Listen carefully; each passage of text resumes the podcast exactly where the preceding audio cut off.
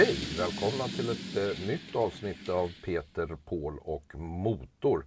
Och idag ska vi verkligen nörda ner oss i små saker, Peter. Det finns ju ett eh, visst eh, intresse för eh, samlande, åtminstone, eh, åtminstone hos en av oss. Sen finns det ett intresse för det som är racerbanor fast eh, lite mindre än på riktigt. Så att eh, det är vad vi ska prata om idag. Men vi ska börja med en liten sak som missades i programmet om svenskarna i eh, Formel 1.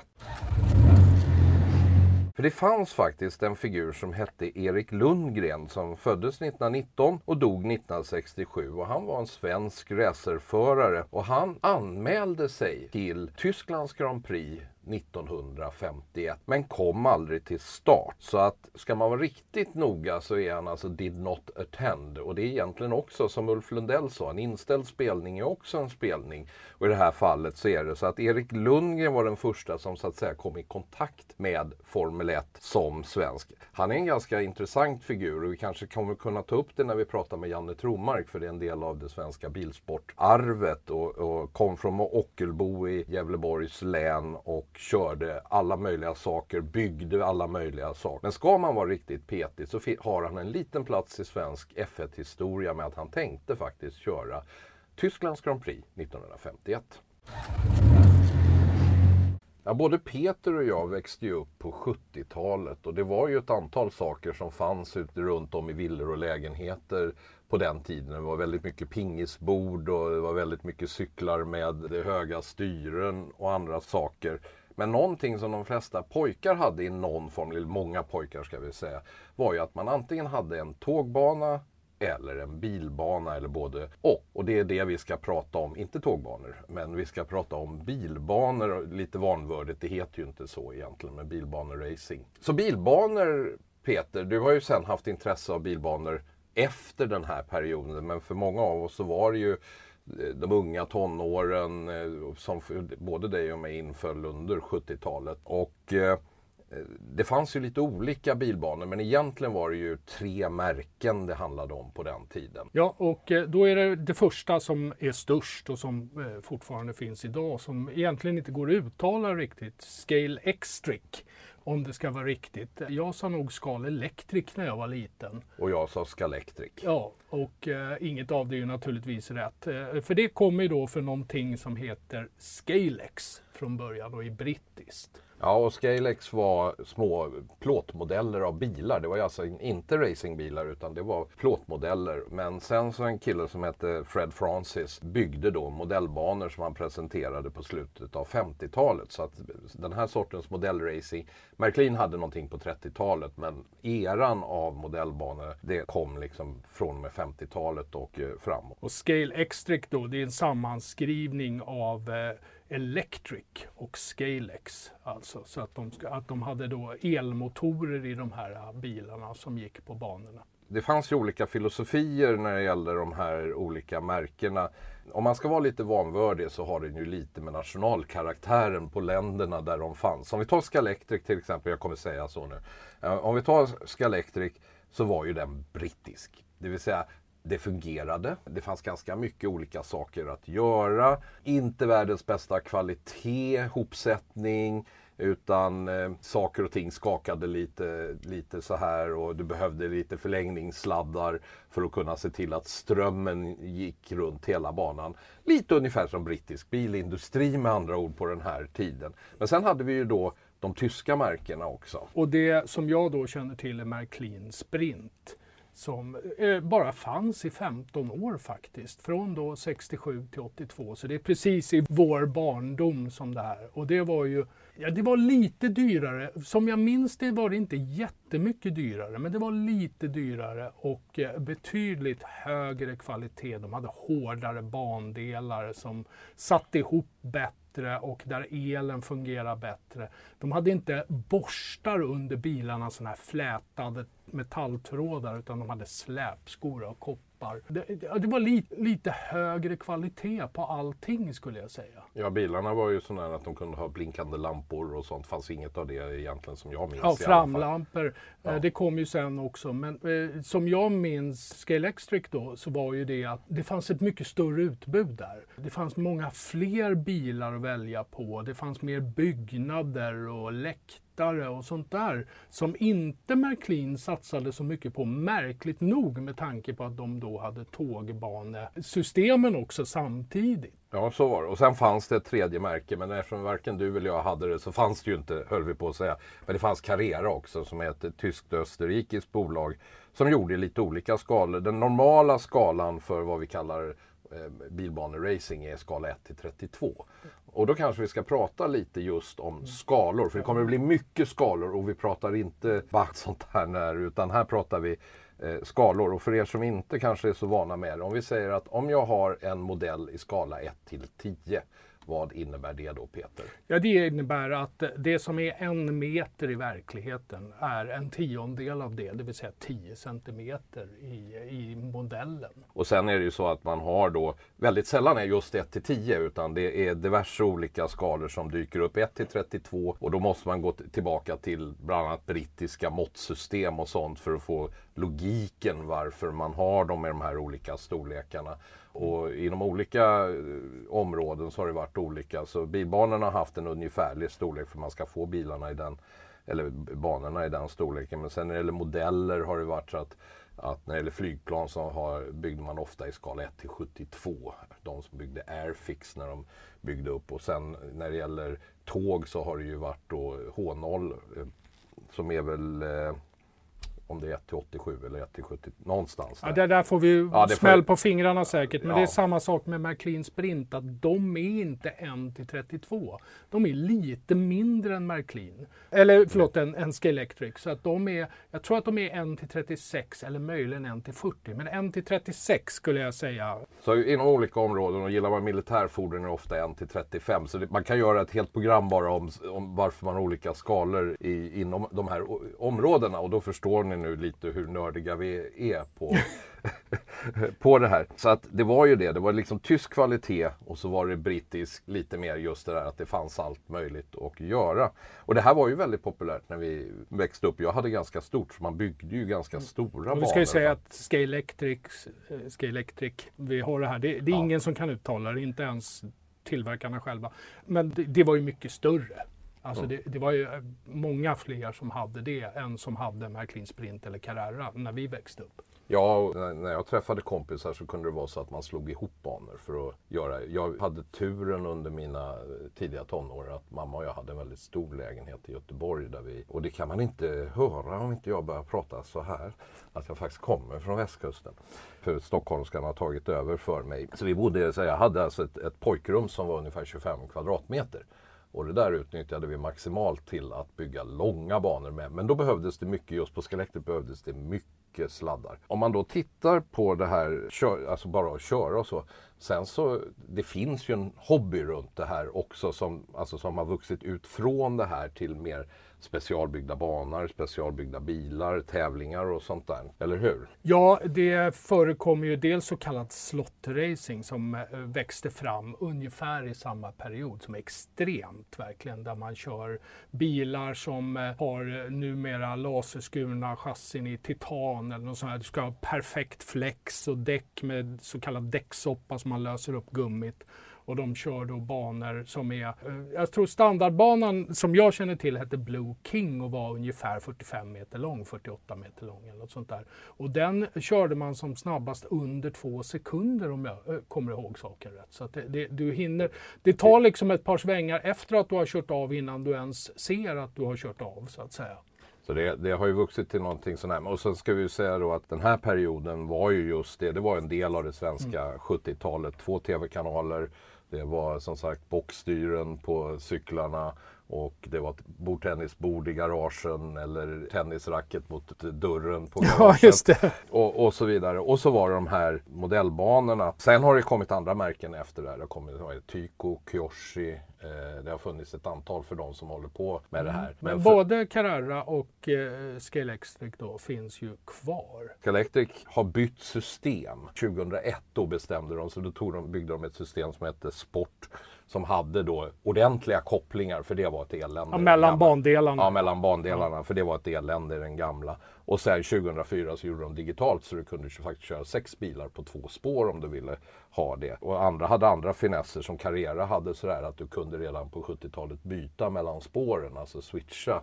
Inte bara med hjälp av bandelar utan de, man kunde åka över och, och in i det andra spåret som kallades för servo. Så det fanns mycket, mycket roliga saker med det. Ja, jag har ju kört lite bilbana även i modern tid i ett litet kompisgäng och det var en lite större då, Skelextrix-bana. Men eftersom jag inte hade några sådana bilar, eh, gamla så att säga, och inte heller Märklin-bilarna passade på den banan eller var konkurrenskraftiga för den delen, så köpte jag bilar från ett företag som heter Slottit. För de var lite eh, mera liksom justerbara, att du kunde ställa in saker på bilarna. Även om det fortfarande var en bilbanebil i plast. Eh, det var inte en, en sån här slottkarbil. Men du kunde ändå liksom justera flex och höjd och lite sådär på dem. Så att de var lite mera racemässiga.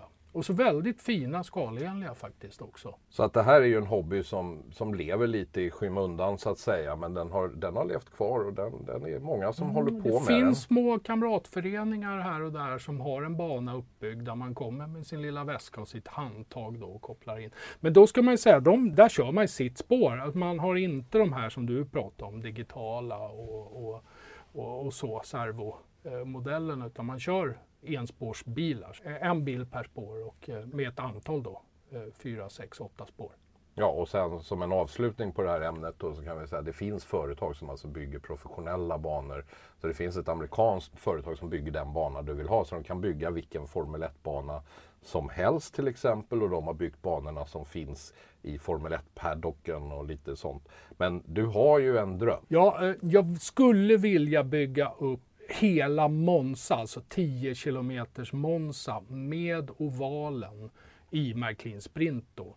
Men dels måste man ju då ha ett utrymme där det får plats i någorlunda storlek också. Och sen saknar jag lite bandelar. Det, det går ibland att hitta på auktionssajter och, och Blocket och så vidare bandelar säljas och eh, ibland är det inte ens dyrt. Men det går bara att bygga fyrspårs till att börja med just därför att du vill ha ovalen doserad. Och de här bandelarna är inte riktigt lika formbara heller som till exempel då eh, andra fabrikat för att de, de är hårdare. Men eh, någon gång så ska jag göra det. Så där är lite om banracing på, med mindre bilar. Men nu ska vi prata om någonting helt annat. Vi har pratat lite bilbana då Paul, men du eh, samlar ju på småbilar utan motorer. Ja, och det är ju då om, om bilbanan kommer från tonårstiden eller preteen som det heter nu, alltså kanske 10-12 års åldern och uppåt där. Ehm, så är det här någonting som är medel, typiskt medelålders sak. Precis som att lego idag har blivit väldigt mycket en medelålders företeelse. Jag försöker undvika ord, eh, åtminstone när jag pratar om mig själv, som mogen och vuxen. Men, men medelålder då, okej, jag köper det. Ja, det är väl allting ända tills, eh, jag vet inte när. Min syster blev väldigt arg för ett antal år sedan när jag vågade påstå när hon fyllde 50 att hon hade kommit upp i medelåldern. Det, hon, höll, hon höll inte med Nej. alls. Men, modell, och det handlar om att, att samla på modellbilar och det, då, då, finns det en mängd olika sorter. Alltså det, dels kan man samla på det som faktiskt är leksaksbilar. Och hade jag vetat, vilket man naturligtvis inte vet, hur mycket de här bilarna kostar idag som jag hade på 60-talet. För jag har haft alla James Bond Ja, Du menar Dinky Toys Dinky och Corgi och de Corp. här? Ja. och jag har haft alla de här. Jag har haft eh, Läderlappsbilen från tv-serien. Jag har haft Chitty Chitty Bang Bang. Jag har haft Yellow Submarine i original. Jag har haft alla Bondbilarna. Och de här ligger ju alltså på 10 000 och uppåt i bra skick. Om man ska försöka få tag på Ja dem. men då måste de ju nästan vara olekta och Ja, eh, det med var ju- kartong och... Eh, det var just det. ja, för att de ska ha något sånt värde. Ja, och sen så har det vid sidan av det här att samla då, och det är Matchbox till exempel, är väldigt, väldigt populärt. Och idag i den skalan så finns det ju Hot Wheels, alltså det är ju Mattel som gör Hot Mm. och vilken Wheels. skala är det kanske du ska säga? Oh, det är väl 1 till 64. Jag, jag samlar inte på dem så att det, jag det är ju ganska små bilar Ja, i alla fall. Vi pratar 5-6 centimeter. Ja, och, och de är ju sällan då med verkligheten att göra. Men samlandet då med att samla, och kan man ju säga att samlandet då med att samla bilar som ser ut som verkligheten. Då handlar, handlar det om samlarbilar. Och då finns det alla områden. Gillar du traktorer eller eh, redskap från lantbruk? Det finns. Du kan samla på bussar, väldigt populärt i England och samla på alla fem miljarder olika bussar man har haft i England och kört på. Vissa samlar ett bilmärke eller på vägbilar och sen så kan man då samla och det är därför den får vara med i den här podden är ju att man kan samla på racerbilar vilket jag gör. Och här är det alltså en, ett, det är ett stort område. För vi har pratat om det ibland i Le Mans-sändningarna så har det poppat upp eh, när vi har haft kanske lite lite att prata om och så har vi poppat upp och så har jag fått berätta lite om min samling och så. Då får vi alltid ganska mycket reaktioner från folk. Så det var därför jag tänkte att vi skulle göra det här. Har du någon gång berättat eh, när och varför du började? Nej, det tror jag inte jag har gjort, men det var ganska enkelt. Eller, det började med att jag fick en Audi R8, alltså Le Mans-vinnaren 2000 tror jag. Jag fick den i skala 1 till 18 och vi kommer komma tillbaka till de här olika skalorna som finns, men det är en av de stora skalorna. Och jag fick en sån bil och så hade jag den ett tag och sen så någon gång så där man surfar och så kom jag in på någon tysk sajt som sålde modellbilar och så beställde jag ett par stycken och det var väl det dummaste jag har gjort i hela mitt liv tror jag. Vad, vad det har lett till och vad det har kostat för mig. Så att, eh, men det började, började med att jag fick en modell och så tänkte jag men det här vore ju kul att ha Ja, jag tror om det var att jag ville ha en Lotus 72 eller någonting sånt och så letade jag rätt på det och sen så Sen har det bara rullat på.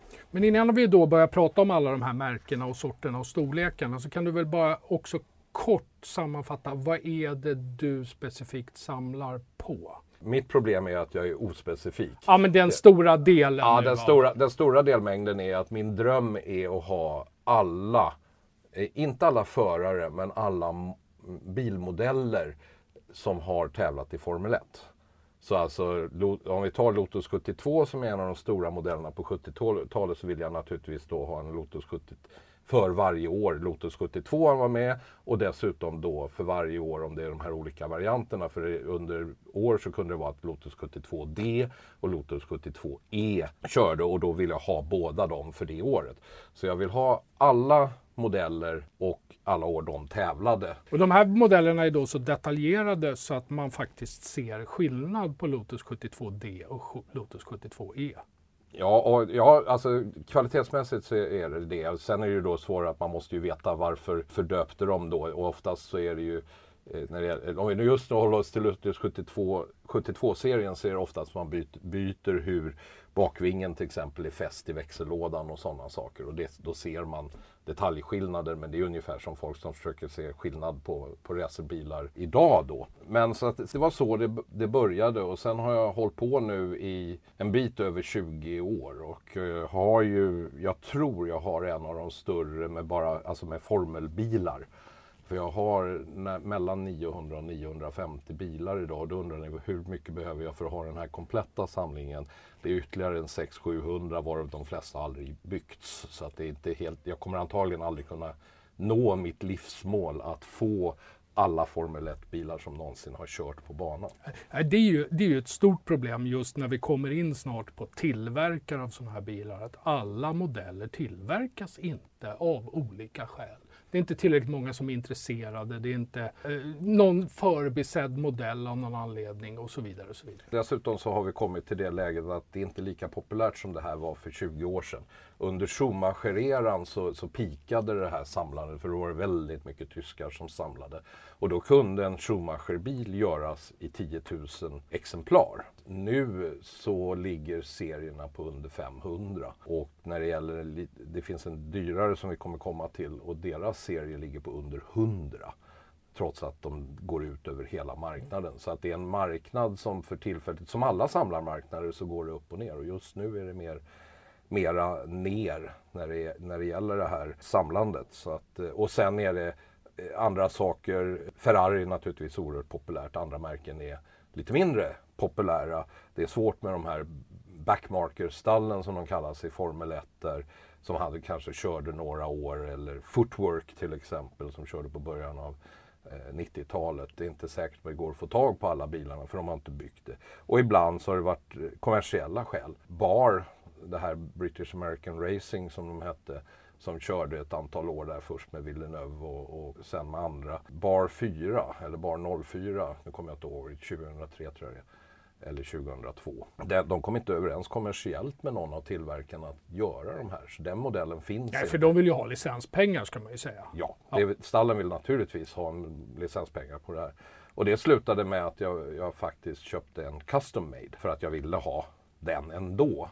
För den kommer aldrig att tillverkas, eller kan möjligtvis dyka upp om 20 år. Och, och, så att jag beställde en custom made där en kille tog då årsmodellen innan och sen bygger om den och målar om den så att den ser ut som den. Någon form av modellmakare alltså? Ja, en modellmakare. Ja. Så det finns sådana som gör customs upplagor av, av, av de här modellerna, målar om dem om det har varit speciella liveries, eller alltså speciella målningar och sånt på dem. Så det finns mycket att ge sig in på där. Har du då i det här samlandet hållit dig till en storlek, en skala? Eller har, är det också en massa olika storlekar på de här bilarna? Jag har hållit mig till två. Jag, jag, försöker egentligen bara samla skala 1 till 43. Skala 1 till 43 då är de 10-11 cm långa. Men sen har du skala 1 till 18 och då är de väl 20 tror jag ungefär. De är naturligtvis mycket mer detaljerade men det tar en förfärlig plats. Så att det, den är till, skala 1 till 18 är för den som skulle vilja samla men kanske bara ha 10 bilar eller någonting sånt. Ska man, om man till exempel vill ha varenda Ferrari som har kört Formel 1, då behöver du nog gå till skala 1 till 43 för annars kommer det ta upp en hel vägg och lite till och du kommer få problem med din respektive som undrar varför det sitter en förfärlig massa bilar över hela vardagsrumsväggen. Det var lite om din egen samling och då ville du ju börja prata om tillverkarna av de här olika F1-bilarna. Ja, för det är ju så, alltså, för det här är ju då liksom för att guida någon som skulle vara intresserad av att köpa en eller många eh, modellbilar. Och då finns det väldigt många olika märken. Och det som skiljer dem är oftast då tillverkningskvaliteten och, och därmed priset. Kvaliteten på hur detaljerad bilen är och hur välgjord den är hänger nästan alltid ihop med vilket pris du betalar. Men vi kan ju börja med om man vill ha ett instegsmärke eller om man bara, säger att man gillar eh, Max Verstappen och så vill man ha en Red Bull bara för att ha lite i bokhyllan. Då kan man titta på ett märke som heter Burago. Och de finns ibland faktiskt i leksaksaffärerna. Och de kostar ja, 200-300 men är faktiskt riktigt snygga för att vara så pass billiga och det är för att de inte, de gör inte det här i touch eller i i metall på det sättet utan de trycker mer i plast. Vilket inte anses riktigt fint i samlarkretsar men det ser bra ut. Så att om man bara vill ha någon liten modell som man tycker är kul och den går de som också är lättast att få tag på så är Burago ett bra märke. Annars så ska vi ju säga det att det, det handlar om postorder. Det finns några alltså som säljer i Sverige men det är Tyskland och, eller Tyskland och Storbritannien framförallt där och Italien som är de stora där man hittar handlare som säljer sådana här bilar. Och det kan man söka efter. Det finns ett antal, eh, jag behöver inte göra reklam för dem, men det finns ett antal handlare beroende på vad man är intresserad av när det gäller det där. Men det är ett sådant här bra instegsmärke. Och sen om man då inom Formel 1 framförallt och eh, sportvagnar ska jag väl säga också så, så, så, finns det några märken som, eh, det fanns ett märke som hette Onyx, de finns inte längre, men de, de gjorde väldigt mycket bilar på just 90-talsbilar, så om man vill liksom ha den eran så måste man nog titta på dem. Inte speciellt hög kvalitet jämfört med eh, några av märkena vi kommer till senare, men de, de har gjort några sådana här, ja men jag vet någon som älskar, jag har en kompis som älskar Minardi och de har gjort många av de här Minardi-modellerna. Minardi är ju det som sen blev Toro Rosso och som nu är Alfa Tauri i Formel 1. Men det var ett verkligt garagestall under många, många år. Entusiastiska italienare som under just, han hette, hette han Paolo Minardi? Han hette, han hette Minardi i alla fall. Därav namnet på Ja. stallet. Men sen de stora tillverkarna som egentligen gör 95 procent av om man, man samlar. Det är dels ett italienskt märke som heter Spark, alltså Spark. Och sen är det ett tyst märke som heter Minichamps. Och Spark är lite billigare.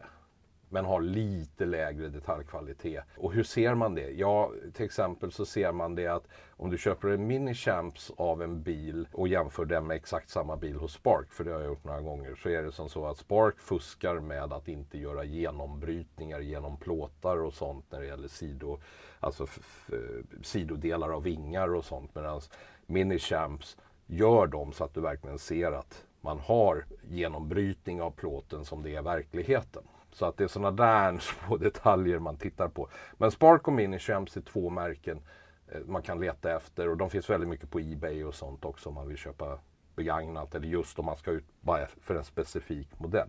Och de står för det mesta och de gör de två stora skalorna, vi kommer återkomma till skalorna, de kör väldigt mycket i de här skala 1 till 18 och skala 1 till 43. Sen finns det, och det intressanta är att alla de här som kommer sen, de är väldigt specialiserade runt Ferrari. Alltså man förstår storleken av Ferrari och intresset för Ferrari just när man tittar på modellbilsbranschen. För det finns en del märken som nästan lever på att bara göra Ferrari-bilar. Vi har ett som visserligen gör mycket inom eh, sportvagnsvärlden men inom Formel 1-världen gör de nästan bara gamla Ferrari-bilar. De heter Ixo. Sen så finns det de som har haft den stora licensen på Formel 1 när det gäller Ferrari-bilarna. För Minichamps och Spark kommer inte åt Ferrari-bilarna. Utan där har det gått en speciell licens ut och den låg först hos Mattel.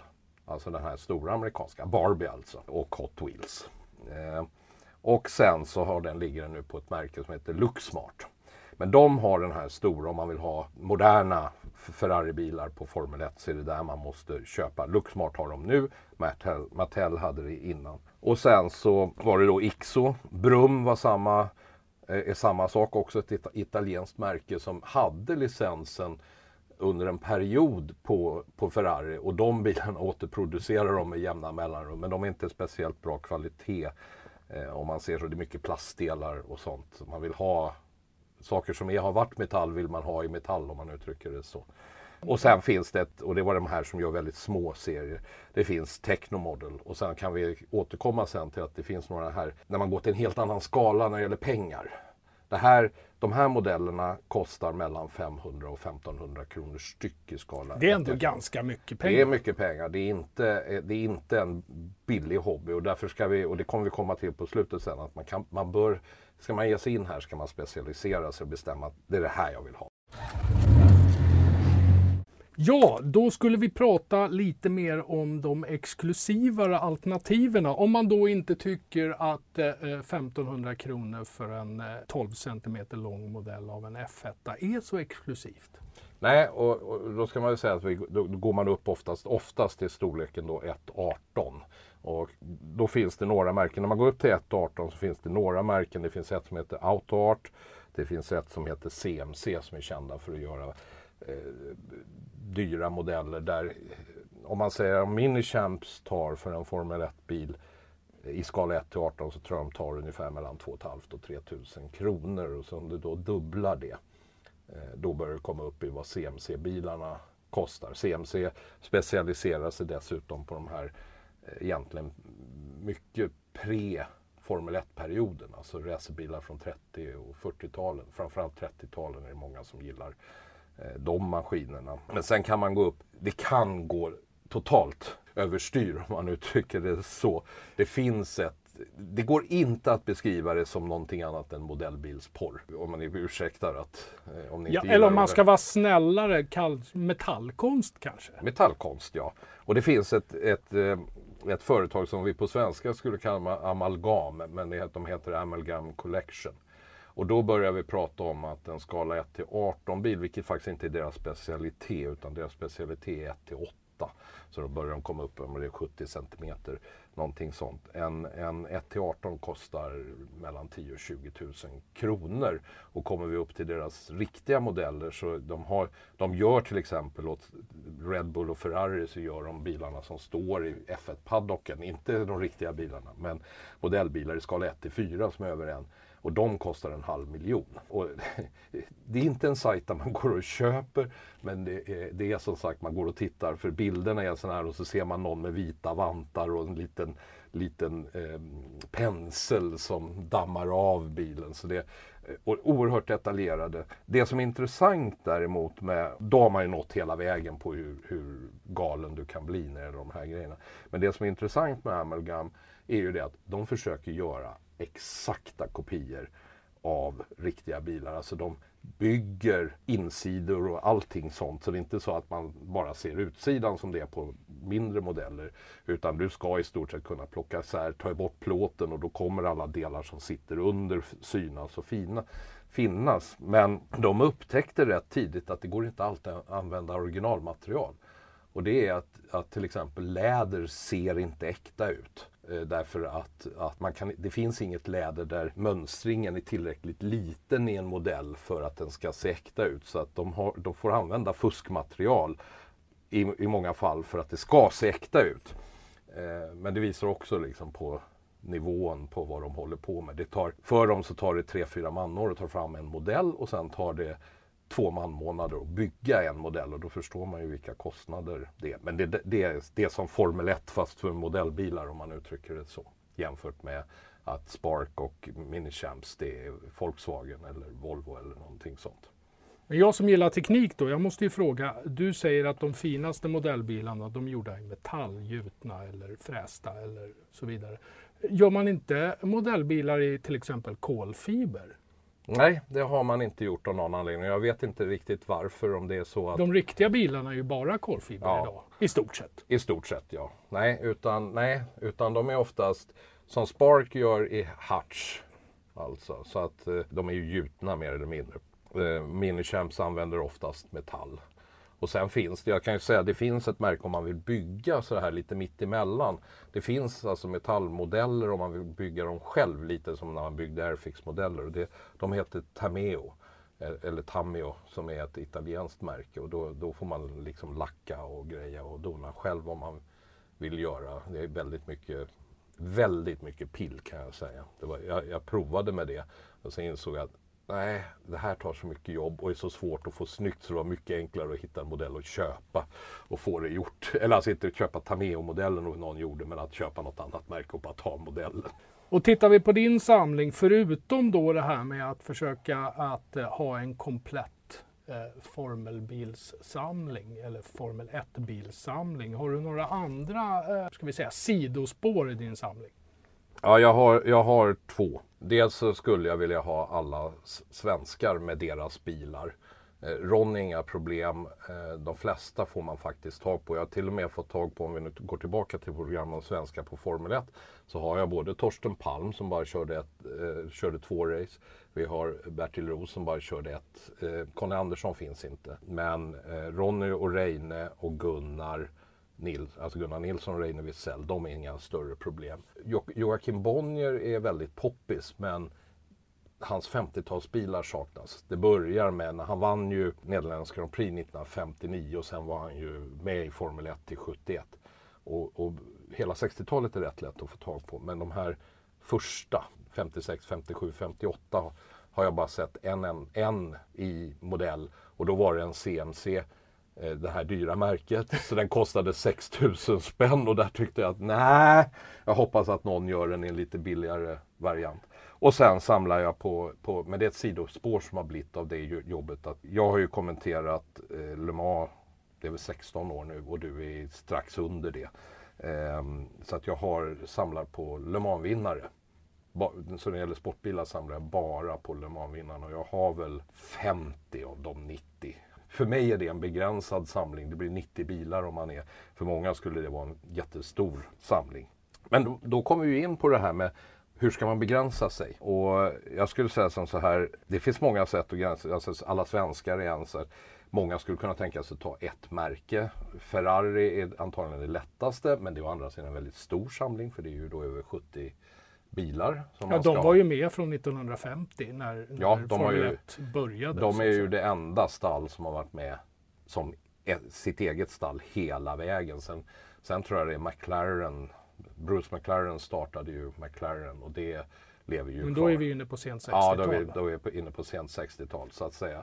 Eh, men det kan vara att du har just ett märke eller en förare. Du kan ju ta Eh, att du ska ha alla bilar Fernando Alonso har kört. Då är det 20 stycken drygt. Och Eh, lite sånt där. Man kan samla på alla världsmästare. Det, det, är också relativt lätt att få tag på förhållandevis ska vi säga. Eller som, som eh, vår vän då Janne Tromark som vi förhoppningsvis då ska återkomma till i en intervju så småningom. Han tyckte att man kunde, spara, att man kunde ta en grid. Alltså ett lopp. Bestämma sig för ett lopp och så köpa bilarna för det loppet och ställa upp dem som de stod på starten. Ja, som ett litet panorama. Ja, ett litet panorama. Diarama eller vad det ja. heter. Ja. Och, så. Men, och sen så kan man ju då egentligen låta bli och, och, och, samla alls utan bara säga att ja, men de här två bilarna tyckte jag var snygga så då köper jag dem. Och då, och då kan man då gå upp lite i skala och då kommer vi just till det här med skalor som vi nu har nämnt ett antal olika gånger. De två stapelvaruskalorna då är 1 till 18 som är ungefär, ja de är väl 20 centimeter. Jag inte, kommer inte ihåg exakta längden. Ja, lite och, längre skulle det Ja, bli. och sen så går de ju lite beroende på bilarna har ju faktiskt, det har ju varit lite skillnad. Vi har ju väldigt långa Formel 1-bilar just nu till exempel. Ja. Eh, jämfört med om vi går till 80-talet och så. De är tydligt längre. Och sen skala 1 till 43 som är den stora skalan precis som när det gäller modellbyggen. Att skala 1 till 72 är den stora modellskalan. Och, sådär. och sen så kan man gå upp till 1.12 vilket är den lilla skalan just när det gäller motorcyklar som som faktiskt inte är någon stor eh, samlarmarknad på. Men som blir ganska stor på bilar. Det är de, för de som har byggt modellbilar så är det de här som Tamiya gör i den skalan. 1 till 12 eh, bilar, som man, när man, modellbilar man bygger själv. Och, men då är man uppe i 10 000 kronors klassen om man vill ha en sån bil. Så att då måste man verkligen gilla det. Och sen så är det några då som bland annat, bland annat Amalgam som ger sig upp i ända till 1 till 4. Men då är vi helt utanför Ja, då är man ju på pengar för... som man kan köpa en riktig bil. För. Ja, det var ja. ungefär som när jag visade dig det där så sa du att Nej, men ska jag lägga så mycket pengar då vill jag faktiskt att den rullar på riktigt. Ja, då vill jag kunna köra den. Ja. och, det var, och, och, och det var där. Är 32 000 dollar för någon gammal Mercedes från förkrigsåren eller vad det var du visade upp. Jag kommer inte ja. ihåg. Men det finns saker som är svåra också om man då ger sig in i det här och det är det att det, det, det finns många områden om vi tar rent allmänt så här så finns det många områden där det är lätt att samla. Alltså racerbilar är ganska lätt i gemen, men det är europeiska racerbilar. Eh, Indycar är jättesvårt. Det är, om vi bortser, numera så är Indycar egentligen en standardserie. Alltså det är ju en modell som målas olika och med lite andra, med de friheter man har. Men det är samma. Mm, två chassi. olika motortillverkare. Ja, det är två olika motortillverkare men det är samma chassi. Eh, och det gör att numera så tycker modellbilstillverkarna att det är värt att göra det. Så vill man till exempel få tag på Felix eller Marcus så kan man göra det. Men då måste man hitta sajter i USA. För det säljs inte i Europa i stort sett. Men går man tillbaka i Indycar-historien så är det bara de här klassiska Indy-vinnarna som finns. McLaren-bilarna från 70-talet. Det är Riverside och Lotus-bilarna från 60-talet. Men för mig då som ju vill ha min kompletta samling så var det ju så att 50 till 59 så ingick ju Indy 500 i Formel 1. Det var väldigt få som åkte över och körde och det var väldigt få som kom över därifrån. Men det är ju det att vill jag ha en komplett samling så vill jag ju ha då även de här Curtis Craft och de här som de heter. Men det går inte att få tag på dem. De finns inte som modeller överhuvudtaget. Jag har letat ganska mycket och letat just på amerikanska och amerikanska tillverkare och sånt. Men det, nej, där, där kommer jag nog gå bet. Och jag tänkte på de här udda formelbilarna då som i och för sig oftast kom från Italien men som eh, egentligen bara körde förkvalen till kvalen i Formel 1. Finns de som modeller? Ibland. Jag har ju min lilla favorit där, Subaru. Ja, jo, den är, det är ju en av de här när vi ska gå in i Formel 1 med saker ni inte visste att ha funnits i Formel 1. Bland ja. annat att Subaru har varit inblandade i, i Formel 1 och så vidare. Eh, det beror ganska mycket på, för det är nämligen som så här. av någon anledning så att vissa förare är förvånansvärt lätta att hitta. Medan andra är svårare. Och det har jag då lärt mig genom åren att det beror på att vissa förare betalar eh, betalar till tillverkarna för att göra någon av deras bilar så att de ska finnas. Så till exempel så var det där, och det var inte Edvard som gjorde det, men vi har ju en kollega Eh, på Discovery som heter Edvard Sandström som har hjälpt till ibland att kommentera Le Mans som är ju professionell racerförare, fabriksförare för Audi har han varit, fabriksförare för Mercedes, säger lite om vilken kvalitet man har. Har vunnit 24 timmars på Nürburgring är väl hans största seger, vilket ju inte är det sämsta. Men helt plötsligt så dök det upp en Audi R8, inte den här eh, Le Mans-bilen utan den andra R8, eh, GT-bilen. Och den dök upp så att jag kunde få köpa och få honom att signera den. Men det var det att han hade en Gentleman's Driver i den. Och det var Gentleman's Drivern som hade betalt för att den där modellen skulle göras. Och det var i den här Adaki till Masters-serien och så vidare. Så att ibland är det sådana här udda figurer och då beror det oftast på att personen själv har sagt att kan ni göra 300 ex av den här bilen för jag vill kunna ge den till mina, eller kunna ge ett antal ex till mina kompisar och sådana saker. Så att det, det, ibland är det udda saker som är lätta att få tag på och sen är det jättesvårt ibland åt andra hållet.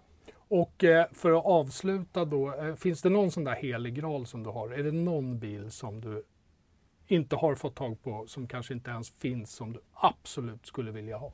Nej, inte, alltså, problemet är ju det att jag vill ju i stort sett ha allting. Och det, det jag vill ha, och jag är nästan där, eh, det är ju att jag vill ha alla modeller och alla målningar som Ronnie Pettersson. Det är min liksom sån här eh, modeller. Som samling i samlingen? Ja, det är en samling i samlingen och ha alla, alla olika bilmodeller han körde i Formel 1 och också alla målningar vilket var lite trassligt för 1976 så levde han i stort sett eh, så här lopp för lopp så att han hittade en sponsor till varje lopp.